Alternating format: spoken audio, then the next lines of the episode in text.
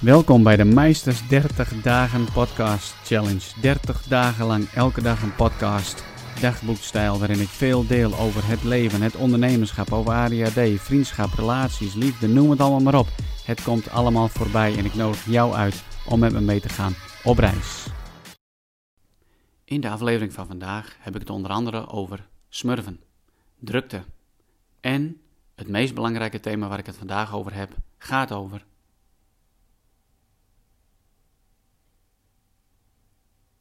Inderdaad, stilte. Het is uh, soms een uh, drukte van je welste. In mijn hoofd. Ik zeg wel eens voor de grap, soms heb ik het gevoel alsof er een smurfendorp in mijn hoofd zit. En uh, een smurfdorp, die is behoorlijk druk. Volgens mij waren er toch honderd smurfen. En laatst toen ik de, een, een smurfenfilm zag met mijn zoontje, toen ontdekten ze een andere smurfendorp met allemaal vrouwelijke smurfen. En dat dorpje werd vernietigd door Gargamel. En uh, al die vrouwelijke smurfen werden gered door Smurfin. En die nam ze weer mee naar het smurfendorp. En toen had je er 200. En over een tijdje misschien nog wel veel meer. maar uh, ja, zo voelt het af en toe gewoon in mijn hoofd. En uh, ik denk dat heel veel mensen dat hebben. Dan hoef je niet uh, per se daar hoef je niet per se ADHD voor te hebben. Maar we leven wat dat betreft ook wel in een hele drukke tijd, toch? Er komt veel op ons af. wordt veel van ons gevraagd. We hebben een wereld gecreëerd waarin we het enorm druk hebben met van alles en nog wat. Um, en eigenlijk maken we het onszelf steeds lastiger door ontzettend veel apparaten en dingen te creëren, waardoor we uh, onze denken nog steeds meer en meer voeden, uh, prikkels ontvangen, noem het maar op. Nou, misschien heb je er helemaal geen last van, nou prima. Dan is dat hartstikke mooi. Ik heb er wel last van en ik zie ook wel mensen omheen die er heel veel last van hebben. Al die prikkels die op ons afkomen en het voedt onze harde schijf. Het voedt onze smurfen, het lijkt wel amfetamine voor uh, de smurfen, waardoor ze steeds drukker en drukker gaan worden. En vanmorgen had ik dat even weer. Um, opeens, opeens zet ik iets in gang. Het is een keukenkastje die niet helemaal goed zat. En ik ging kijken naar, ik, ik bekeek het keukenkastje, ik bekeek de rest van de keuken. En toen dacht ik van ja, eigenlijk is die aan vervanging toe. En vervolgens ging ik kijken naar andere dingen in huis. Ja, eigenlijk is dat aan vervanging toe. En vorige week had ik even de daken uh, schoongemaakt, de bladeren eraf gehaald en zorgen dat de, de afvoerputjes gewoon goed schoon zijn. En toen zag ik van, hmm, ja, het dak van de, uh, de schuur en de bijkeuken, zeg maar, en het dakje voor, dan moet het bitumen ook vervangen gaan worden. En op een gegeven moment dan is het net alsof uh, alle smurven in mijn hoofd zich zorgen gaan maken. En het een na de ander komt erbij. Ja, en dan ervaar ik onrust. En dan moet ik mezelf echt even tot de orde roepen. En hoe doe ik dat? Nou, ik herken op een gegeven moment natuurlijk wel wat er gebeurt. En ik vind het eigenlijk helemaal niet fijn, want dan ga ik me druk maken over dingen waar ik nu op dit moment niks aan kan veranderen. Ik heb voorbereidingen te doen voor een training voor vanavond en een training voor morgen. En dan zit ik er niet op te wachten dat ik me allerlei dingen in mijn hoofd ga halen waar ik nu niks aan kan doen. En wat eigenlijk op dit moment helemaal niet zo belangrijk is. Het creëert onrust. Dus ik kies er dan voor om even te gaan zitten. Alles even uit te doen. En te zorgen voor zo min mogelijk prikkels. En ik zoek even de stilte. Gewoon helemaal stil zijn. Telefoon op zacht. Geen radio aan. Helemaal stil. En ik focus me op mijn ademhaling. En ik merk dat er dan wat gebeurt. Ik word stil. Stil. En nog eens keer stil van binnen. Ik focus me nog meer op mijn ademhaling. Ik adem eens even heel diep in en uit. Dat twee of drie keer achter elkaar. Alleen dat al is een wereld van verschil. Ik sluit mijn ogen en ik stel voor dat ik op de duinen sta. De duinen van Noord-Holland vlakbij het plaatsje Grote Keten. Daar gaan we altijd heen naar het strand met het gezin in de zomer. En ik stel me voor dat ik daar sta En dat het hard waait en dat ik de koele wind in mijn gezicht voel. Die koele wind die verandert langzaam in een vrij ja, koude wind. En ik merk dat ik me dat zo goed kan inbeelden dat ik opeens een hele rilling over mijn rug heen voel gaan. Ik kijk naar de zee en ik probeer me zo voor te stellen hoe die, hoe die, die zeegeur zeg maar mijn neus binnenkomt. En ik adem nog eens keer heel goed in. En ik adem weer uit. En ik voel zo'n rust over me heen komen. Heerlijk. Ik besluit eventjes wat uh, dingetjes te doen die ik uh, gewoon moet doen. Ik pak een bak koffie en ik ga zitten. Want ja, ik moet ook nog een podcast maken. En ik denk er even kort over na en ik besluit weer stil te zijn. Ik neem een slok van mijn koffie en mijn oog valt op een boekje. In onze tijdschriftenmand had ik daar een boekje neergelegd. En het boekje heb ik een paar weken geleden gekregen van Patrick Kikken. Die had ik toen geïnterviewd, hij had mij toen geïnterviewd. En het is een boekje van Jan Prins. En uh, Jan Prins is een producer bij Radio 538 en hij is coach. En hij omschrijft zijn reis uh, op weg naar, naar stilte en naar vrede. En het boekje heet nu even stil. Wat ik altijd zo bijzonder vind is die toevalligheden. Noem het synchroniciteit. Dus ik heb de stilte gezocht. De smurven zijn uh, gaan rusten en zijn lekker met de pina colada bij het zwembad gaan zitten. Genieten van de zon en uh, zijn helemaal happy. En ik zie opeens dat boekje. Ik was er nog niet in begonnen, maar dat boekje heette nu even stil.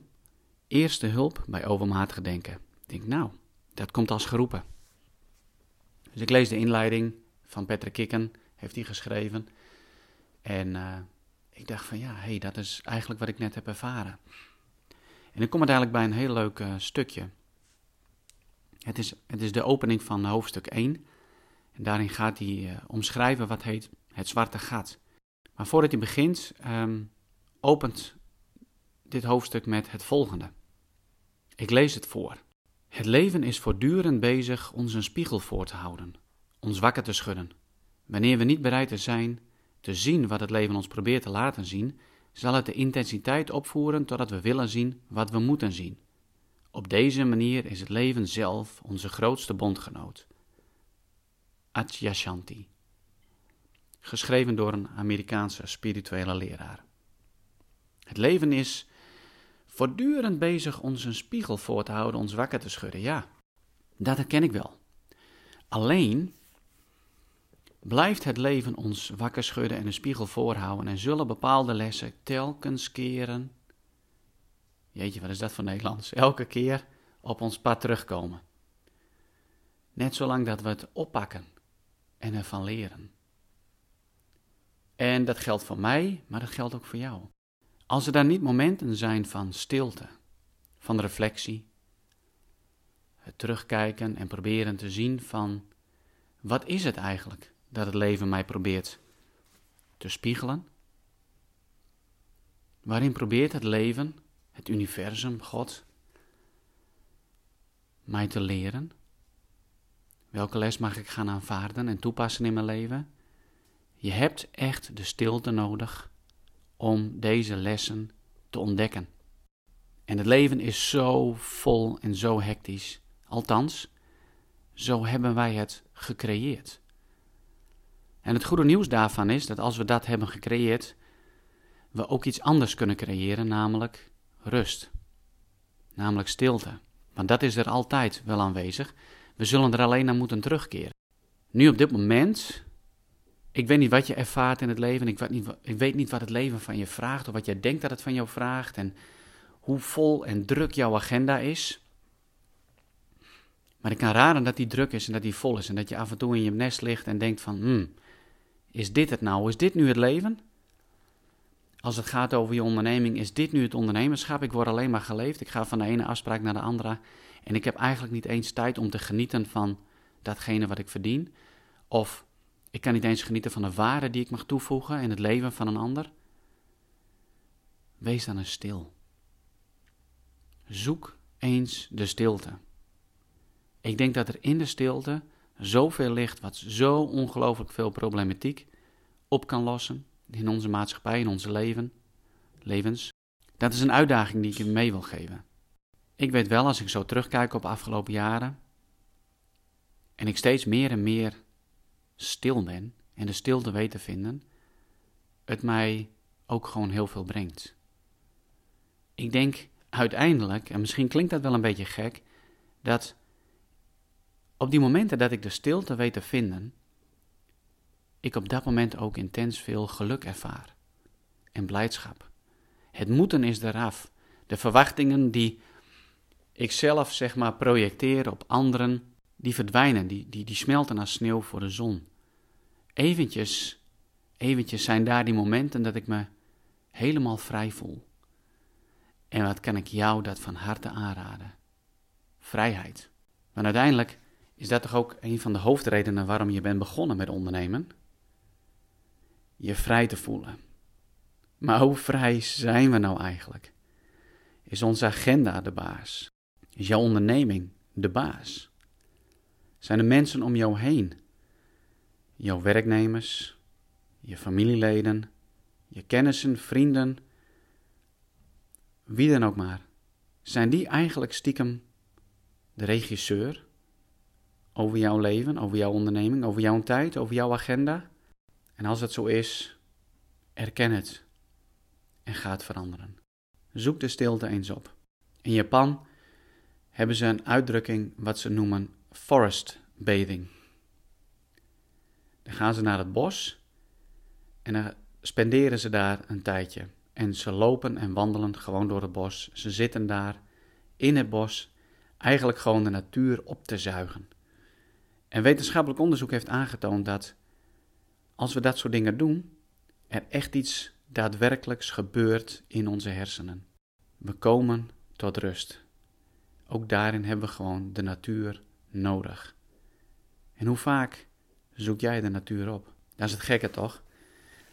Eigenlijk weten we diep van binnen wel wat we nodig hebben, maar de weg ernaartoe, oi oi, die kan zo, ontzettend moeilijk zijn, omdat we zo gevangen zitten in een bepaald leven. Denken zo gevangen te zitten. Nou, ik denk dat ik er maar mee ophoud. Um, ik heb nog een hoop andere dingen te doen. En uh, ik wens jou momenten van stilte.